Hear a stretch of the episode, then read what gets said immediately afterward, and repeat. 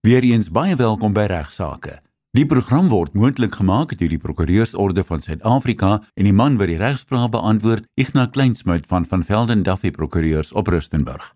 Hartlike goeiemôre vanaf my kant ook uh, luisteraars en baie dankie vir almal van u wat so gereeld dankie sê. Dankie vir die dankies. Ek waardeer regtig die terugvoer baie opreg en ek sê ook veral dankie aan so baie van u wat sê dat u spesiaal weekliks inskakel tyd is kosbaar en soos altyd sal ek my bes probeer om nie die tyd te mors nie en hopelik vir julle so klein bietjie pitkos gee. Ek gaan begin eers so 'n paar kort briefies te beantwoord. Die eerste sê hy het 'n vraag oor prokureurs wat geskraap is om te praktiseer. Is een wat vir my sê iemand het hom gevra en die luisteraar vra is daar outomatiese rehabilitasie na tydperk? Of moet so 'n prokureur eers die prokureursorde nader of moet hy die hof nader om hertoegelaat te word en wat min of meer moet so 'n persoon bewys ensovoorts. So algemeen is dit dat sulke aansoeke slaag. Nou luisteraars ja. Dit is belangrik dat so 'n persoon 'n baie volledige aansoek moet bring en daar's heelwat vereistes wat in so 'n aansoek gestel word en uh hierdie aansoek word eers aan die prokureursorde van die provinsie waar hierdie prokureur gepraktiseer het tydens sy skrapping gerig en die prokureursorde sal dan hierdie saak behoorlik ondersoek. Hulle sal luister na getuienis, hulle sal stawende dokumentasie aanvra en dan 'n besluit neem of hulle die hof uh, gaan meedeel dat hulle die aansoek steun of dat hulle nie die aansoek ondersteun nie. Want daar word van die prokureursorde verwag om die hof behulpsaam te wees met hierdie aansoek, maar die uiteindelike beslissing is natuurlik by die hof. Die bewyslas is werklik nie baie maklik nie, kan ek vir u sê. O ja, wat betref die vraag of daar 'n spesifieke tyd is, soos byvoorbeeld 10 jaar uh, waar mens outomaties gerehabiliteer gaan word, nee, daar is nie. Verloop van tyd is wel baie belangrik. Mens sal nie maklik slaag met 'n aansoek as jy net 'n paar jaar na jou skrapping uh, weer wil hertoegelaat word nie. Gewoonlik uh, verstryk daar 'n hele klompie jare, maar uh, dit verskil van geval tot geval. Maar baie belangrik is uh dat daar 'n hele aantal faktore is wat die prokureursorde en die hof in aanmerking sal neem. Die kruks van die saak myns en siens en ek het die voorreg gehad met my baie jare by die prokureursorde om baie baie van hierdie sake, hierdie aansoeke om hertoelating deel van te wees uh, en dit saam met my mede-raadslede te bereg en dan die hof te adviseer. Maar die belangrike een en daar's baie goeie hofsaake daaroor dat die hof moet oortuig daarvan wees dat die karakterdefek Dis maar gewoonlik oneerlikheid wat ek hiervan praat. Dat daardie karakterdefek van die aansoeker herstel is, dat dit gerehabiliteer is. Dit is verskriklik moeilik om te bewys dat ek dieftig was, dat ek oneerlik was en nou 'n paar jaar later is ek skielik nie meer oneerlik nie. Ek gaan nou nie meer geld verduister nie. Ek gaan nie meer my vingers in die kasregister sit of trustgeld nie. En daardie bewyslas word dikwels slegs gekwyt deur baie goeie sielkundige evaluering en psigiatriese of sielkundige getuienis. Uh, daar word na klomp ander faktore gekyk, uh, soos byvoorbeeld wat het die aansoeker gedoen van sy skrapping af tot en met sy aansoek, waarmee het hy of haar homself besig gehou? Dit is normaalweg 'n goeie aanduiding van 'n uh, moontlike herstel van karakterdefek. Baie belangrik vir my altyd en dink definitief vir die hof ook, is is daar 'n duidelike aanduiding dat hierdie aansoeker, die geskrapte prokureur, dat hy of sy eintlik daardie karakterdefek verstaan. Dat hulle verstaan wat verkeerd geloop het in hulle lewe en dat dit herstel is. Met ander woorde, dis verskriklik moeilik om ek agter vir mense wat byvoorbeeld geld gesteel het. En ek gebruik altyd die woord gesteel, nie wanaangewend of misappropriate nie, maar want dis eintlik wat gebeur. En dan is die vraag, erken ek dat ek 'n dieftige opset gehad het? Erken ek dat ek inderdaad gesteel het. Want slegs as ek dit erken, dan natuurlik kan ek die hof daarvan oortuig dat ek daardie defek, daardie karakter deur die defek aandag aangegee het en dat dit nie meer bestaan nie en dat dit nie weer gaan gebeur nie. So baie moeilike bewyslas. Die vraag wat die luisteraar ook vra is hoe algemeen is dit sulke aansoeke slaag? Ek het nou nie daar's nie statistieke en persentasies nie, maar ek kan vir u sê dat dit 'n baie deeglike proses is en normaalweg sal die aansoeker nie voortgaan met die aansoek indien dit nie deur die prokureursorde ondersteun word nie. Daar is al 'n paar gevalle waar die hof van die prokureursorde nie tot dieselfde gevolgtrekking gekom het nie, maar dit is uh, dit is die uitsondering. Gewoonlik uh, as die prokureursorde baie baie duidelik seker gemaak het dat hulle hierdie persoon weer kan toelaat, dan sal hulle die hof sou adviseer en daardie gevalle sal 'n groot persentasie van die aansoeke wel slaag. In uh, Desember 2019 se uitgawe van ons prokureurstydskrif Die Roboes wat deur die Prokureursorde van Suid-Afrika gepubliseer word, was daar 'n baie interessante onderwerp bespreek deur Marilyn Rowena Kader. En dit handel met die vraag of julle as luisteraars geweet het dat dit ook onwettig kan wees as jy soms 'n produk te goedkoop verkoop. Want daar is 'n verbod op anti-mededinging, uh, daar's 'n verbod op wat hulle noem predator pricing vir roofdierpryse. Nou uh, ek soos baie ander luisteraars vandag se ekonomie is natuurlik 'n groot aanhanger van winskoopies, maar uh, kom ons gaan sê as 'n bietjie oor die beginsel van hierdie sogenaamde roofpryse en uh, die verbod wat daar is op roofpryse nou dit word gesien as pryse wat nie markverwant is nie en die effek het dan om mededinging tussen verskaffers baie moeilik te maak en uit te kanselleer. Op hierdie wyse word mededingers dan uiteindelik geforseer om die mark te verlaat omdat hulle nie kan kompeteer meeding met ander se pryse wat dan onredelik laag is nie. So 'n klomp mededingers word uit die mark uit geprys. Uh, nou 'n baie goeie voorbeeld dink ek is China wat uh, absoluut wêreldwyd en veral in Suid-Afrika as 'n ekonomiese roofland, 'n roofdier gesien word aangesien hulle produkte dikwels so goedkoop is en so goedkoop ingevoer kan word dat dit vir plaaslike verskaffers nie die moeite werd is om daarmee te probeer kompeteer nie. Nou die wet op mededinge luisteraars wet 89 van 1998 handel baie spesifiek met hierdie beginsel word in twee bepalinge verbied naamlik artikel 8D verbied dominante verskaffers van 'n uitsluitingsdaad waardeur produkte of dienste onder hulle marginale of gewoonlike gemiddelde veranderlike koste verkoop word. Dis nou tensy daar tegnologiese of ander e-, e effektiwiteitswins is wat dan die antimededingende effek, die gevolg van hierdie van hierdie handeling kan oortref. En dan plaas artikel 8C ook 'n algehele verbod op antimededingende handelinge. Nou dikwels uh, en dis nie vir almal van ons is nie bewus daarvan nie. Dis iets wat ons maar net hier en daar in die pers raak sien is dat die mededingingskommissie soms genader word met sake waar daar beweerde dan nou roofdierpryse was. En in die verlede weet ek is daar 'n geval waar hulle selfs in media 24 skuldig bevind het aan hierdie oortreding en in daardie geval was dit gevoer tot in die hoogste hof, die grondwet of die konstitusionele hof uh, waar daar geappeleer is, maar het hierdie hof uiteindelik uh, by die mededingings mededingingskommissie se uitspraak gehou deur hierdie appel van die hand te wys. En daar's ook 'n hele aantal liggame wat prysvasstelling in sekere nywerhede of industrie industrie spesifiek reguleer. En natuurlik kan mens ook by daardie liggame aansoek doen om maksimum pryse of tariewe vir sekere goedere of dienste vas te stel. Uh, een voorbeeld is die nasionale energiereguleerder van Suid-Afrika, NERSA. Uh is 'n voorbeeld in die energie sektor en in die uitvoering van hulle pligte het Nersa ook dan soms 'n uh, deel geword van litigasie nadat hulle op aansoek deur Sasol byvoorbeeld maksimum pryse vir hulle gasprodukte vasgestel het. Uh, ek dink baie van ons het daarvan gelees. Die verbruikers van Sasol se gasprodukte wat nou skielik aansienlik meer daarvoor moes betaal, het toe in die Hooggeregs of aansoek gedoen om Nersa se bepaling tersyde te stel. En dit het uiteindelik in die Hoogste Hof van Appel beland waar die appel op bevind het uh, dat Nersa se maksimumprysbepaling inderdaad irrasioneel en onredelik was op daardie stadium. Vervolgens het Nersa en Sasol uiteindelik teen hierdie appel of uitspraak ook geappeleer na die grondwetlike hof toe en die konstitusionele hof in National Energy Regulator of South Africa and another versus PG Group Pty Limited and others in 2019 saak het toe hierna gekyk en uh, die konstitusionele hof het na Nersa se besluitnemingsproses gekyk om te kyk uh, of dit rasioneel was al dan nie hierdie hele prysvasstellings se bepaling. Dit het alles neergekom op die vraag of Nersa se besluit en besluitnemingsprosesse wel behoorlik kennis geneem het van die uiteindelike doel van die prysvasstelling. En na 'n agneming van al hierdie aspekte en al die omstandighede die hof bevind dat uh, hierdie Nersa bevinding inderdaad op daardie stadium irrasioneel was en tersyde gestel moes word. Nou uh dis 'n baie interessante maar 'n baie komplekse onderwerp wat ek maar net vir julle klein voorsmaakie van gaan gee maar wat in baie meer detail behandel was deur uh Mercader in die Desember 2019 uitgawe van die Robus. Ook baie dankie aan haar. In deel 2 van vandag se regsaake beantwoord Ignas 'n vraag van 'n dogter. Haar pa van 76 is weer getroud met 'n bruidjie van 26. Toe sy egter swanger raak, was dit dadelik duidelik dat dit nie sy kind kan wees nie.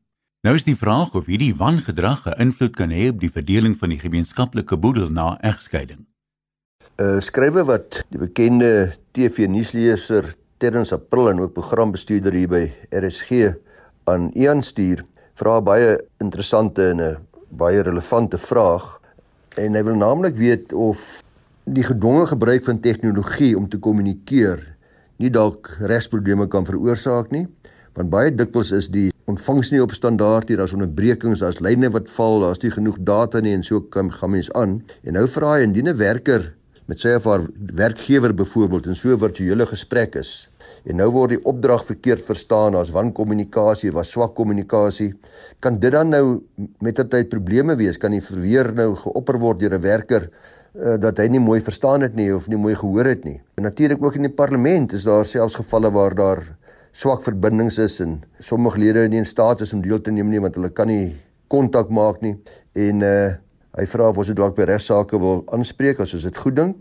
En ja, uh, terens en luisteraars, normaalweg natuurlik sal die gewone reëls van toepassing op kontrakte hier van toepassing wees. Met ander woorde, is daar wilsooreenstemming, het ons albei duidelik geweet wat ons van mekaar verwag en wat die terme uh, en voorwaardes is van dit wat ons uh, op ooreenkom of wil ooreenkom. In die geval van 'n werkgewer werknemer is die opdrag duidelik of is dit onduidelik, is dit vatbaar vir verskillende interpretasies elke geval afsonderlik beoordeel, maar baie belangrik. En dis waar uh, dis die kruks van van die probleem wat terens aanraak is dat dat ons moet moeite doen as luisteraars en as werkgewers en ook en as uh, mense wat virtuele gesprekke voer om misverstande ten alle koste te vermy. Uh want virtuele kommunikasie en die onderbrekings wat daarmee gepaard gaan kan seker sekerlik daartoe lei dat daar swak kommunikasie of wankommunikasie tot gevolg is. Dis dis baie belangrik luisteraars om seker te maak en daar is maniere wat mense kan seker maak. Die meeste gevalle sal 'n mens daarna uh, na 'n virtuele vergadering sal 'n mens die belangrike dele daarvan bevestig. Die meeste gevalle sal daar goeie notules gehou word en ek sou voorstel vir alles daar swak kommunikasie was en belangrike opdragte gegee is of belangrike ooreenkomste bereik is dat dit onmiddellik daarna behoorlik uh, op skrif bevestig word of in die vorm van skrywes, e-posse of natuurlik ook kan dit wees by wyse van notules wat goedgekeur is. So wees maar versigtig want as dit sou blyk dat uh, daar dat die opdrag onduidelik was of nie behoorlik geformuleer was nie of vatbaar is vir ander interpretasies, dan sal dit natuurlik 'n verweer kan wees en kan dit lei tot uitgerekte hofgevegte. So vermy dit liewers deur behoorlik dit daarna te bevestig. 'n Volgende skrywe wat ek kry van Gina is Sy sê haar pa 76 jaar oud en luister hier, getroud met 'n vrou van 26 jaar. Ouderdomsverskil van 50 jaar. Sy sê hulle is nou al 7 jaar getroud. Maar so 'n paar maande terug is daar tot almal se ontsteltenis uitgevind dat die uh, 26-jarige verhouding het met 'n ander man en hoe hulle dit uitgevind het is dat sy swanger geraak en die kind is ooglopend nie haar pa se nie as gevolg van die kind se kleur en die ras toe haar pa wil nou skei en hy wil ook aandring op DNA toetse en sy sê verder hulle was getroud binne gemeenskap van goed hulle weet almal dat die dame nou geregtig is op die helfte van haar pa se bates omdat hulle sonder 'n huweliksvoorwaarde kontrak getroud is. Sy het ook dan die kind op die pa se se waar eggenoot se van geregistreer en die vraag wat sy vra is uh, kan hy nou aandring op DNA toetse en kan hy die staat vra om daarvoor te betaal of hoe aangesien hy net sy pensioengeld kry? Wat kan sy alles eis? Hy het 'n huis onder andere uh nou is ook ander bates hy het ook bates maar ek gaan my nou nie inlaat by by die spesifieke geval en die spesifieke bates wat sy meld nie maar ek gaan net die beginsel met u bespreek. Eerstens wat betref die DNA is dit so dat hy sal waarskynlik eerstens moet deur middel van sy prokureur poog om uh hierdie DNA toetse op 'n vrywillige basis te laat aflê en in 99% van die gevalle besef die partye dat hulle dit eintlik maar op 'n vrywillige basis moet doen ten einde regskoste te vermy en as hy dan nou nie na prokureur toe wil gaan nie kan natuurlik die regshulpraad nader want die kind se belange is hierso van baie baie groot belang. Regshulpraad of 'n regskliniek in hulle omgewing by 'n regsuniversiteit, ag by 'n universiteitsregskliniek sal hy ook waarskynlik geholpe kan raak. Maar uiteindelik as die dame weier om haar en die kind te onderwerp aan aan toetse, dan uh, sal hy haar wel kan verplig deur 'n uh, hof aansoek maar soos ek weer het gesê hy sal ongelukkige prokureur hiervoor moet gaan sien en indien sy inkomste dit regverdig sal dit regshulpraad hom kan help. Nou ons weet almal dat ingemeenskap van goedere is 'n 50-50 verdeling, maar en dis belangrik vir hierdie luisteraar en vir baie ander luisteraars. Alhoewel dit in 99 van die gevalle onverwendbaar is dat daar 'n 50-50 verdeling moet wees waar mense sonder 'n huweliksvoorwaarde kontrak getroud is, is daar wel uitsonderinge waarvoor voorsiening gemaak word en die belangrike uitsondering is dat mens kan ook die hof vra om 'n bevel te gee ter verbeurdverklaring van die voordele van die huwelik in gemeenskap van goedere.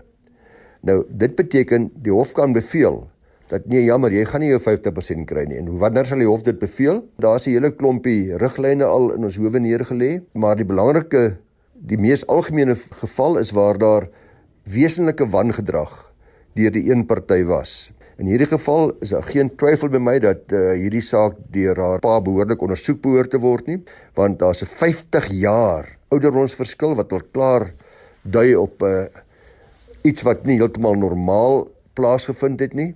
Dit mag wees dat uh, daar ander faktore is wat die hof nog gaan kyk oor hoe die huwelik plaasgevind het, wat die omstandighede was. Al die omringende omstandighede gaan 'n rol speel. Die omvang van die bates en in hierdie geval beslis, baie beslis want dit is 'n belangrike faktor, die wesenlike wangedrag. Die buiteegtelike verhouding wat eh, duidelik nie volgens die getuienis van die luisteraar dan nou sy kind is nie en indien die hof dit bevind, dan mag die hof dalk beveel. Ek dink die kans is redelik goed dat hierdie 'n geval is waar die hof gaan kyk na 'n moontlike verbeurdverklaring van die volle 50% of 'n gedeelte van eh, die bates van eh, die eggenoot in hierdie geval. So luisteraar, ek dink u moet u vader aanbeveel om dringend te prokureur te gaan spreek. Dan Ian en luisteraars het ek so klompie maande gelede 'n navraag hanteer van 'n groepie onderwyseresse wat bekommerd was oor die auteursreg op die werk wat deur hulle gedoen was.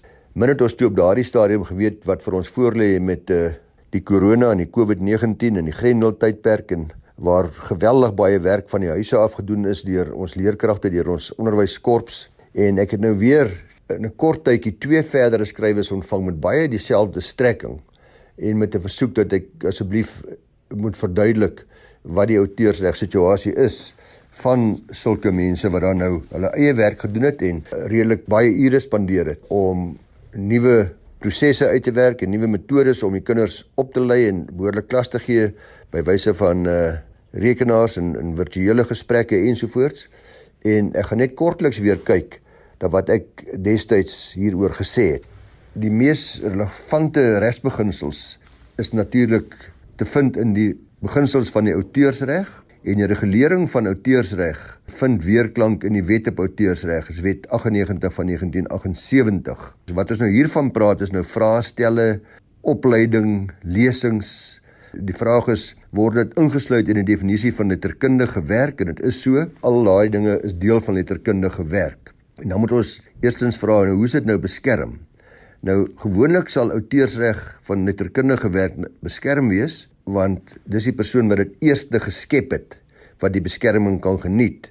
En gewoonlik is dit die outeur of skepper van daardie werk uh, wat dan die outeursreg het, maar dis belangrik vir ons luisteraars en ook al die onderwyseresse wat daar nou dalk hierna luister of onderwysers liewers en leerkragte en ander dat daar is uitsonderings. En dit is natuurlik dat die wet bepaal dat die outeursreg reghebende nie altyd beskou word as die outeur of skepper nie en dit is ten opsigte van werke vervaardig in gevolge ooreenkoms of deur of onder beheer van die staat. In 'n woorde ek doen iets vir iemand anders en ek word daarvoor betaal ek doen dit vir die staat en ek word daarvoor betaal. Aangesien die outeursreg in die letterkundige werk in die staatssetel, dan berus die intellektuele eiendom natuurlik by die staat en sal dit die staat en die departement van onderwys wees wat toestemming moet gee dat 'n ander persoon dan hierdie werke kan reproduseer of aanwend vir geldelike vergoeding. So die onderwyseres kan nie haar werk wat sy geskep het terwyl sy dit in haar hoedanigheid as onderwyseres of onderwyser gedoen het, uh, gaan verkoop of daarmee handel dryf nie want dit behoort nie aan haar, dit behoort aan die werkgewer. Nou ek het laas ook gemeld uh, toe Janine Koetser vir ons 'n antwoord gegee daarvan spoor prokureur Spoor en Fischer dat uh, hierdie ekstra klas tannie wat dan nou die letterkundige werke vir vergoeding verkoop en ander sal dit dan die staat wees wat in hierdie ekstra klas tannie kan optree. Dis egter belangrik om te onthou dat die wet voorsiening maak vir uitsonderings waar hierdie aanwending van 'n werk nie skending van die outeursreg daarstel nie. Op die gewone feite toegepas, sal dit die geval wees waar die ekstra klas tannie nie vir geldelike vergoeding die werke reproduseer of andersins aanwend nie, maar eerder vir onderrigdoeleindes met die kwalifikasie dat die bron dan behoorlik genoem word. In ander woorde, die ekstra klas tannie gebruik nou die bron, sy gebruik nou die stukke wat deur die permanente onderwyspersoneel opgestel is, gebruik sy ook vir daai ekstra klasse amper identies, maar as jy daaraan behoorlike erkenning gee, dan behoort dit nie outeursregskenning daar te stel van daardie letterkundige werk nie en dit is die mening van Spoor en Fischer. So die oorspronklike opsteller, naamlik die juffrou, sal nie in so 'n geval aksie kan neem teen 'n derde persoon nie en uh, omdat die staat in haar geval die die outeursreg reghebbende is, sal dit die staat wees wat teen so 'n derde party moontlik kan optree as daar nie behoorlike erkenning gegee is nie of as daar ander gronde is uh, waarop hulle kan optree. So ek hoop dat hierdie situasie is nou vir almal baie duidelik. Terwyl ons nou gesels uh, Ian luisteraars oor minder bekende of baie ingewikkelde en tegniese wetgewing, kan ek miskien sommer vir julle vertel van 'n ander wet wat in werking tree. Dit is die Suid-Afrikaanse hidrografiese wet. Dis op 5 Julie 2020 deur ons staatspresident gepromulgeer en dit uh, het ten doel om beloof om die veiligheid en navigasie van ons gebiedswaters, Suid-Afrika se territoriale waters te verbeter. Nou hierdie wet voorsien vir die vestiging van 'n hidrografiese kantoor as 'n een eenheid, as 'n aparte eenheid in die Suid-Afrikaanse vloot.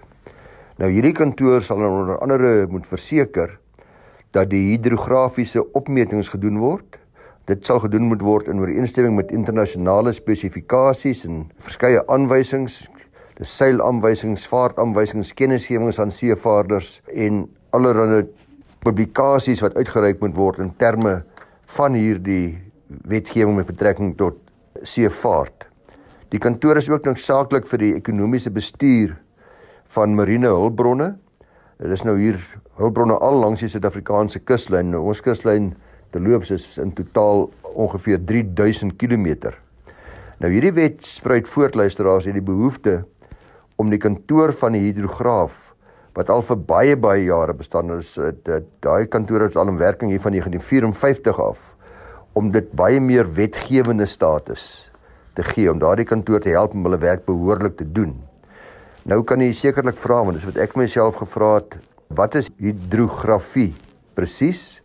Nou dit uh, maak voorsiening hidrografie vir die afmeting en beskrywing van die fisiese kenmerke van oseane en kusgebiede. Dis ook dit ook in mere en riviere terloops. Sowael as die verandering wat mag plaasvind wat voorspel word oor verskillende tydperke. Dit sluit ook in ekonomiese ontwikkeling en veiligheid, sekuriteit, wetenskaplike navorsing en omgewingsbeskerming in. Nou Sanddock Austral Shipyards is op die oomblik besig om nuwe hidrografiese opnameskip te vervaardig, spesifieke skip wat dan uh, baie sal help in hierdie hidrografie. Uh, dis doen hulle met twee motorbote wat die verouderde SAS Protea dan sal vervang. En hierdie projek hier dan projek hotel.